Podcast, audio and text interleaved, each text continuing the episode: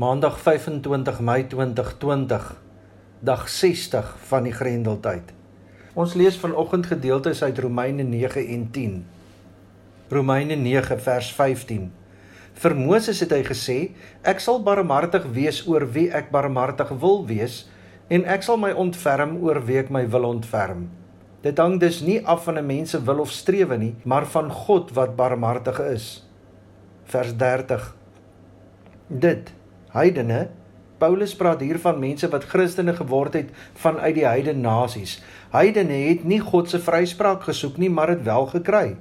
Die vryspraak deur die geloof. Israel, die Jode of verbondsvolk, Israel daarenteen het 'n wet gesoek waardeur hulle God se vryspraak sou kon kry, maar by so 'n wet het hulle nie uitgekom nie. Waarom kon hulle nie die vryspraak kry nie? Omdat hulle nie op die geloof wou bou nie, maar op hulle eie prestasies en dan Romeine 10.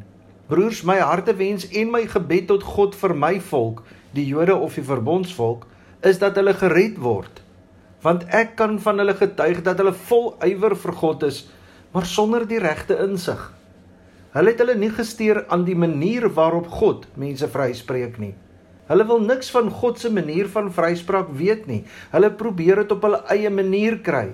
Christus is tog die einde van die wet sodat elkeen wat glo vrygespreek kan word. En nou 'n belangrike gedeelte, Romeine 10 vers 8. Die skrif sê: "Naby jou is die woord in jou mond en in jou hart." En hierdie woord is die boodskap van die geloof en dit is wat ons verkondig.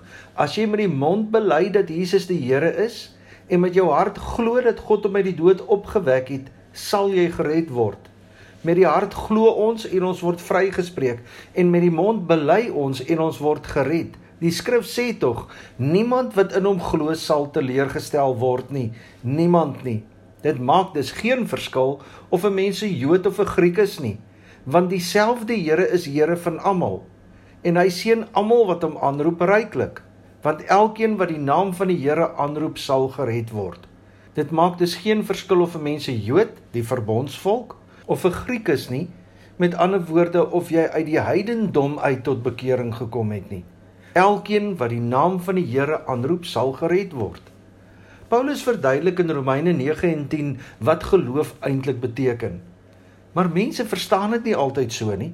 Ons is baie keer vasgevang in die manier hoe die Jode dit verstaan het. Wanneer jy vir mense vra, "Hoe kom 'n mens in die hemel?" dan hoor jy meestal deur 'n goeie mens te wees, deur opreg te probeer om jou bes te doen, deur godsdienstig te wees, deur goeie werke te doen om armes te help, deur jouself te bekeer, deur jou sondes te los.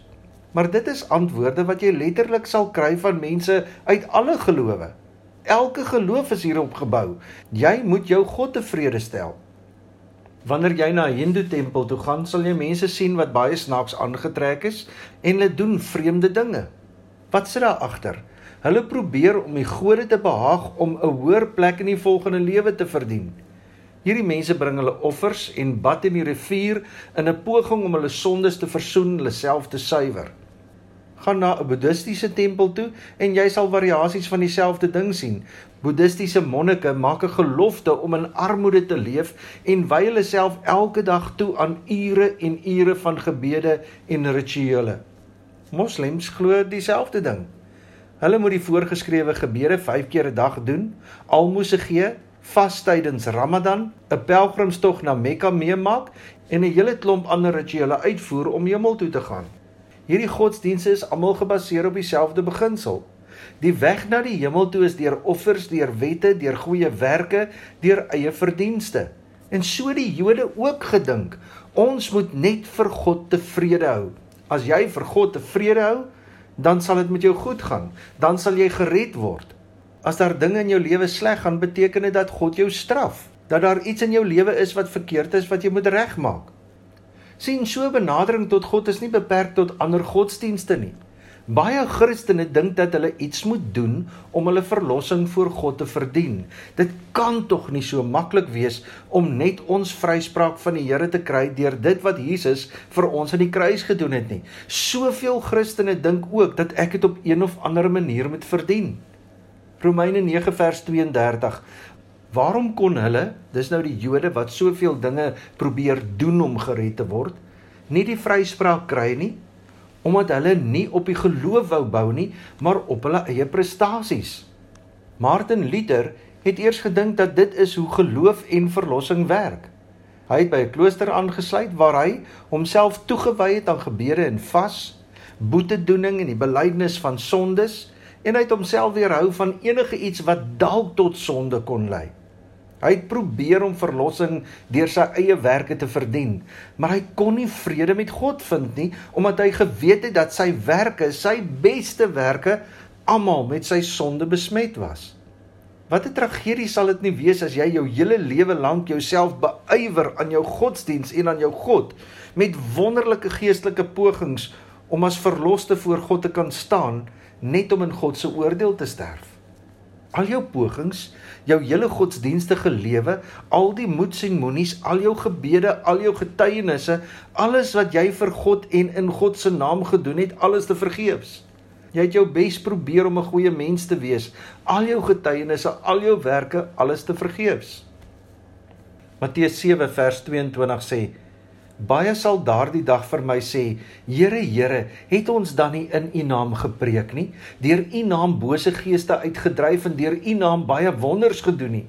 Dan sal ek openlik vir hulle sê: Ek het julle nooit geken nie. Gaan weg van my af, julle wat die wet van God oortree. Want sien, As jy dit self wil verdien deur jou eie prestasie, dan moet jy elke wet stiptelik nakom. Is jou godsdienstigheid ook net gebou op dit wat jy doen? En saam daarmee veroordeel jy al hierdie slegte mense wat al hierdie slegte dinge doen? Ons moet God se pad na verlossing verstaan.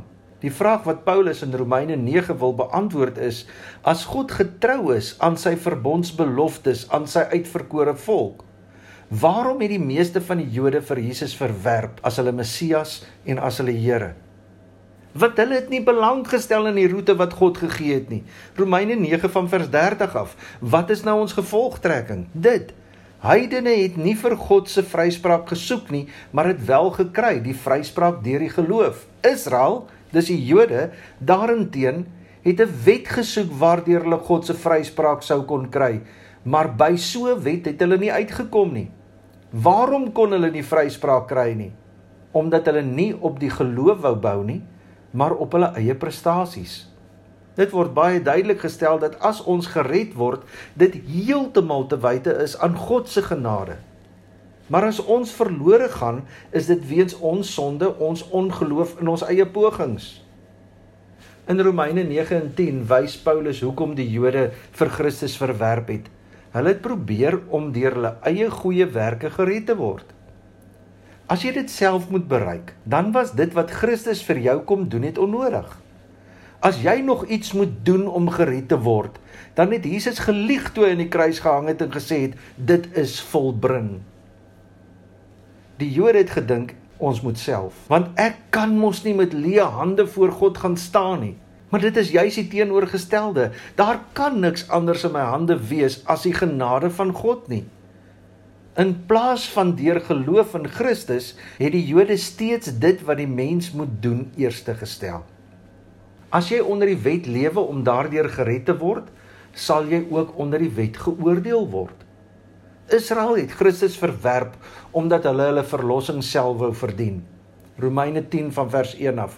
Broers, my harte wens en my gebed tot God vir my volk is dat hulle gered word. Want ek kan van hulle getuig dat hulle vol ywer vir God is, maar sonder die regte insig. Hulle het hulle nie gesteer aan die manier waarop God mense vryspreek nie. Hulle wil niks van God se manier van vryspraak weet nie. Hulle probeer dit op hulle eie manier kry. Christus is tog die einde van die wet, sodat elkeen wat glo vrygespreek kan word. Paulus sê nie deur jou dade nie, want jou beste dade is nog steeds vol gate, selfsugtig, selfgerig en onvolmaak. Deur geloof alleen, maar nie deur geloof as een van jou dade nie, nee deur die inhoud van jou geloof. Die fout met my eie werke is dat jy sommer gou blind word vir jou eie sondigheid. Jy dink sommer gou dat jou geloof sterker is as ander se geloof en dan word ook jou geloof iets wat jy doen en nie meer ontvang as genade van God nie. Jesaja 64 vers 6 sê dat ons onrein is en dat al ons goeie werke in God se oë soos vuil lappe is.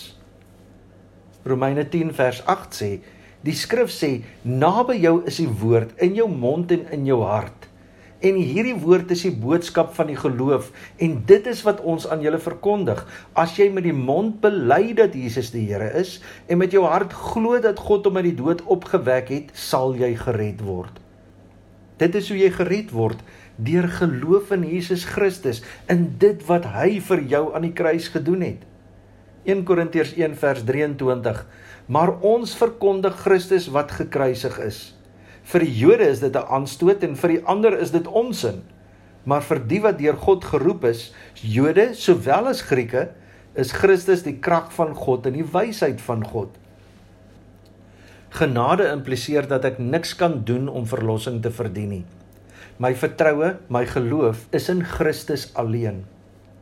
Almal moet erken Ons harte is nie suiwer nie, ons gedagtes is nie suiwer nie, ons bedoelings is nie suiwer nie, ons prioriteite is nie suiwer nie, ons lewens is nie suiwer nie. Daarom sê Romeine 1 vers 17: In die evangelie kom juis tot openbaring dat God mense van hulle sonde vryspreek enkel en alleen omdat hulle glo. Dit is soos daar geskrywe staan: Elkeen wat deur God vrygespreek is omdat hulle glo, sal lewe. Romeine 3 vers 21 Dit is die vryspraak wat nie verkry word deur die wet te onderhou nie, maar deur in Jesus Christus te glo. God gee dit sonder onderskeid aan almal wat glo. Romeine 4 vers 5. Maar die mens wat nie op wetsonderhouding staat maak nie, maar wat glo in hom wat die goddelose vryspreek, hy kry die vryspraak deur sy geloof sien hier is dit interessant. Hier sê Romeine 4 vers 5 dat hy die goddelose kom vryspreek het. Ons wat dit nie verdien nie, ons wat eintlik moet hel toe gaan. Ons is deur sy kruisdood, deur sy opstanding, deur ons geloof daarin is ons gered. Romeine 5 vers 1 God het ons dan nou vrygespreek deurdat ons glo. Daarom is daar nou vrede tussen ons en God deur ons Here Jesus Christus. Nie deur dit wat ek doen nie, deur ons Here Jesus Christus. Romeine 3 vers 20. Daarom sal geen mens op grond van wetsonderhouding deur God vrygespreek word nie. Niemand van ons kan dit regkry nie.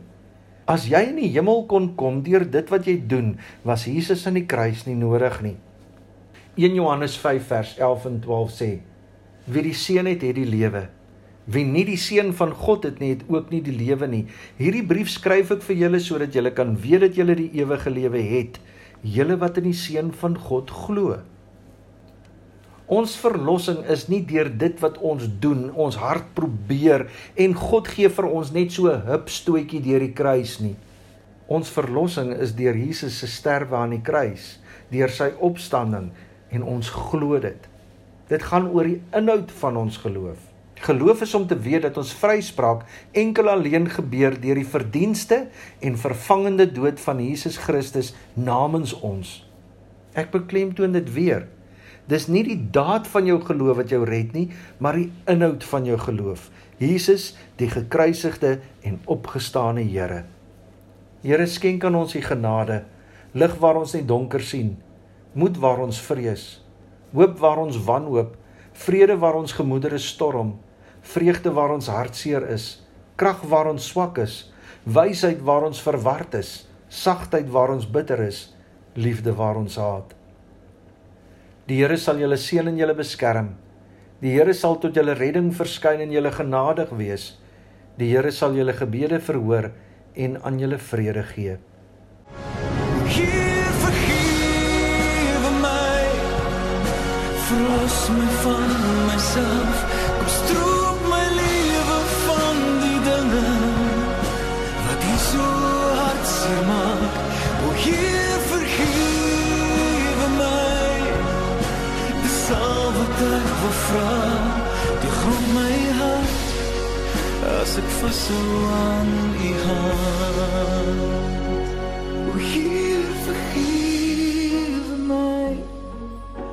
Verlos my van myself, die grond my hart as ek vashou aan U.